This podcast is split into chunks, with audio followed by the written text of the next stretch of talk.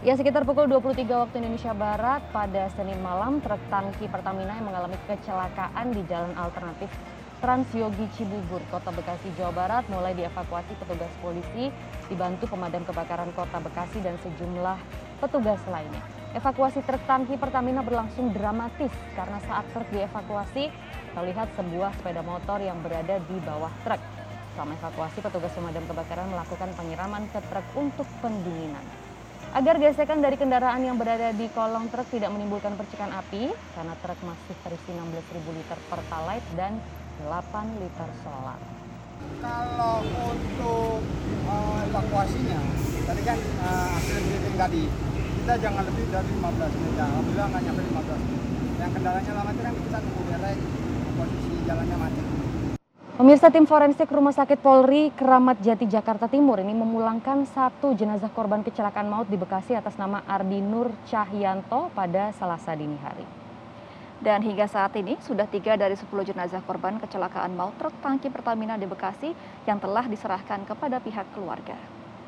Anggota keluarga dari korban kecelakaan maut di Bekasi hingga Selasa dini hari masih menunggu di ruang jenazah Rumah Sakit Polri Keramat Jati. Mereka masih menunggu hasil identifikasi selesai dan dapat membawa jenazah anggota keluarga mereka untuk pulang. Salah satu jenazah korban akhirnya diserahkan oleh tim forensik kepada pihak keluarga atas nama Ardi Nur Cahyanto berusia 23 tahun yang berhasil diidentifikasi. Azwan, orang tua dari Ardi mengaku baru mengetahui anaknya menjadi korban kecelakaan maut dari media massa yang diketahui dari ciri-ciri sepeda motor yang digunakan oleh korban. Rencananya jenazah korban akan dimakamkan tidak jauh dari kediamannya yang berada di kawasan Cilodong, Depok, Jawa Barat pada Selasa siang nanti.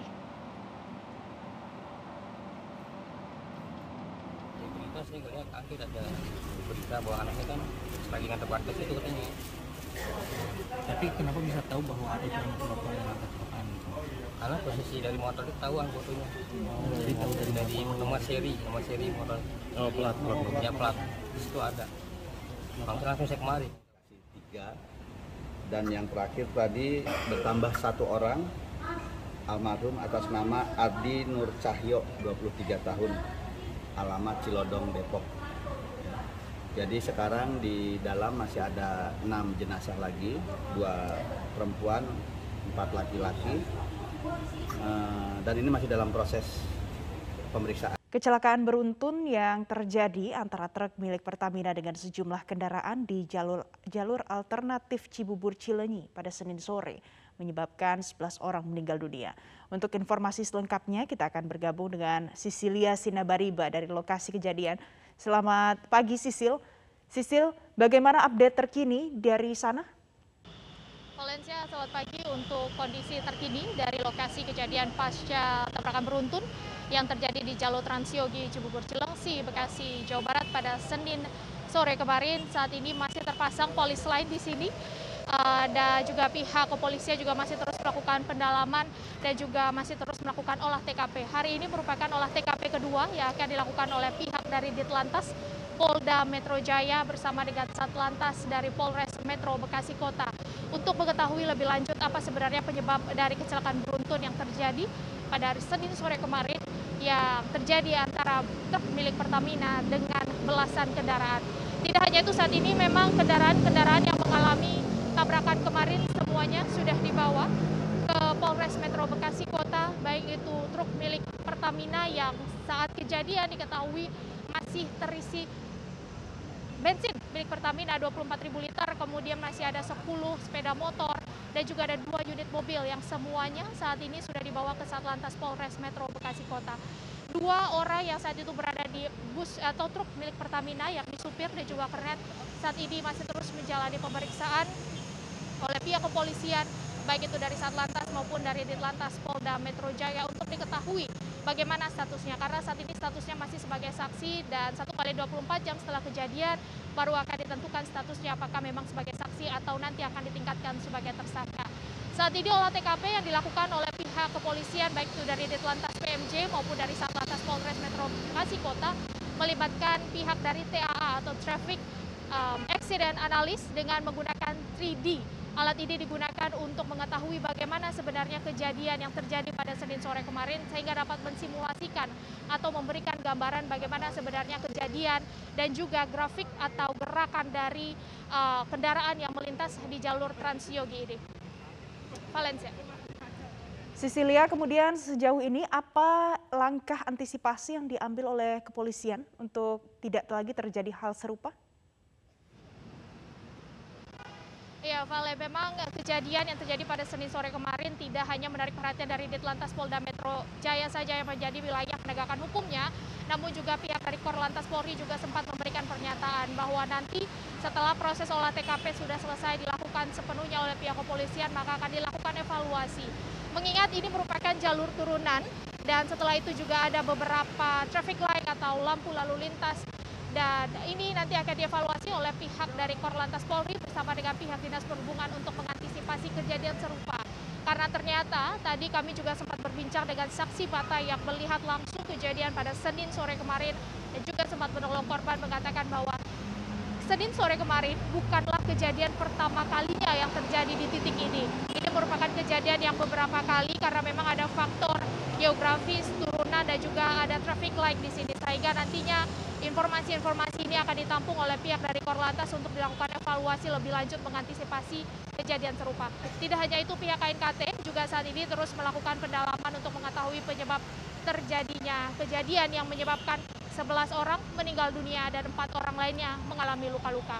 Tidak hanya itu saja, pihak dari Pertamina yang memang truknya terlibat dalam kecelakaan kemarin mengungkapkan bahwa akan bertanggung jawab sepenuhnya baik itu kepada korban yang meninggal memberikan santunan ataupun kepada korban yang mengalami luka-luka. Petugas gabungan dari TNI AU, Kodim, Basarnas, dan Polri yang tiba di lokasi langsung melakukan pencarian di lokasi jatuhnya pesawat latih milik TNI AU dengan seri T50I Golden Eagle jatuh di desa Nginggil, Kecamatan Kradenan, Blora, Jawa Tengah. Petugas gabungan berhasil mengumpulkan serpihan puing pesawat yang berserakan dan berhasil menemukan jenazah yang diduga pilot dari pesawat latih ini. Petugas langsung membawa jenazah menggunakan sepeda motor menuju ke ambulans yang berjarak kurang lebih 5 km dari lokasi kejadian. Lokasi jatuhnya pesawat memang hanya bisa dilalui oleh sepeda motor. Jenazah korban kemudian dibawa ke markas Angkatan Udara di Madiun. Pesawat latih jatuh setelah hilang kontak dan warga kemudian sempat mendengar adanya letusan pada saat tersebut, pesawat tersebut jatuh. Proses evakuasi puing pesawat latih milik AU seri T50I Eagle Golden Eagle ini akan dilanjutkan lagi pada hari ini. Kemudian sejumlah petugas masih disiagakan di lokasi kejadian sampai saat ini. Pada malam ini, eh, pagi ini, ini hari eh, pukul 01.40 tadi untuk kegiatan evakuasi uh, pesawat latih TNI Angkatan Udara yang mengalami musibah uh, jatuh di daerah Desa Nginggil, Kecamatan Keladenan, Kabupaten Blora diputuskan untuk dihentikan sementara mengingat kondisi cuaca gelap dan juga medan yang sangat sulit. Besok akan dilakukan kembali. Inilah pemirsa video amatir warga di mana Jalan Trans Sulawesi, tepatnya di Desa Blongko, Kecamatan Sinosayang, Kabupaten Minahasa Selatan, Sulawesi Utara tertutup dengan longsor serta air yang cukup deras yang terjadi pada pukul 3 Wita Senin pagi kemarin. Material longsor dari Sungai Blongko berupa bebatuan membuat jalan Trans Sulawesi mengalami kemacetan lebih dari 200 meter. Kendaraan roda 4 dan roda 2 harus mengantri melewati lokasi area longsor karena jalan sampai Senin siang masih terhalang dengan bebatuan. Menurut warga desa Blongko, longsor terjadi pada Senin dini hari sekitar pukul 3 waktu setempat. Meski sudah terjadi longsor, namun warga tidak mengungsi karena mengaku sudah terbiasa dan yakin kondisi ini tidak membahayakan nyawa mereka. Untuk membuka akses jalan, masyarakat setempat bersama TNI Polri dengan menggunakan alat seadanya mencoba membersihkan material longsor. Komandan Pos Sinosayang, Serma Tommy Lampus mengatakan peristiwa ini terjadi akibat debit air dari Sungai Blongko tidak lagi mampu menampung arus sungai akibat curah hujan yang deras. Warga diminta waspada dan bila perlu untuk sementara mengungsi ke tempat yang lebih aman dikarenakan cuaca yang tidak menentu.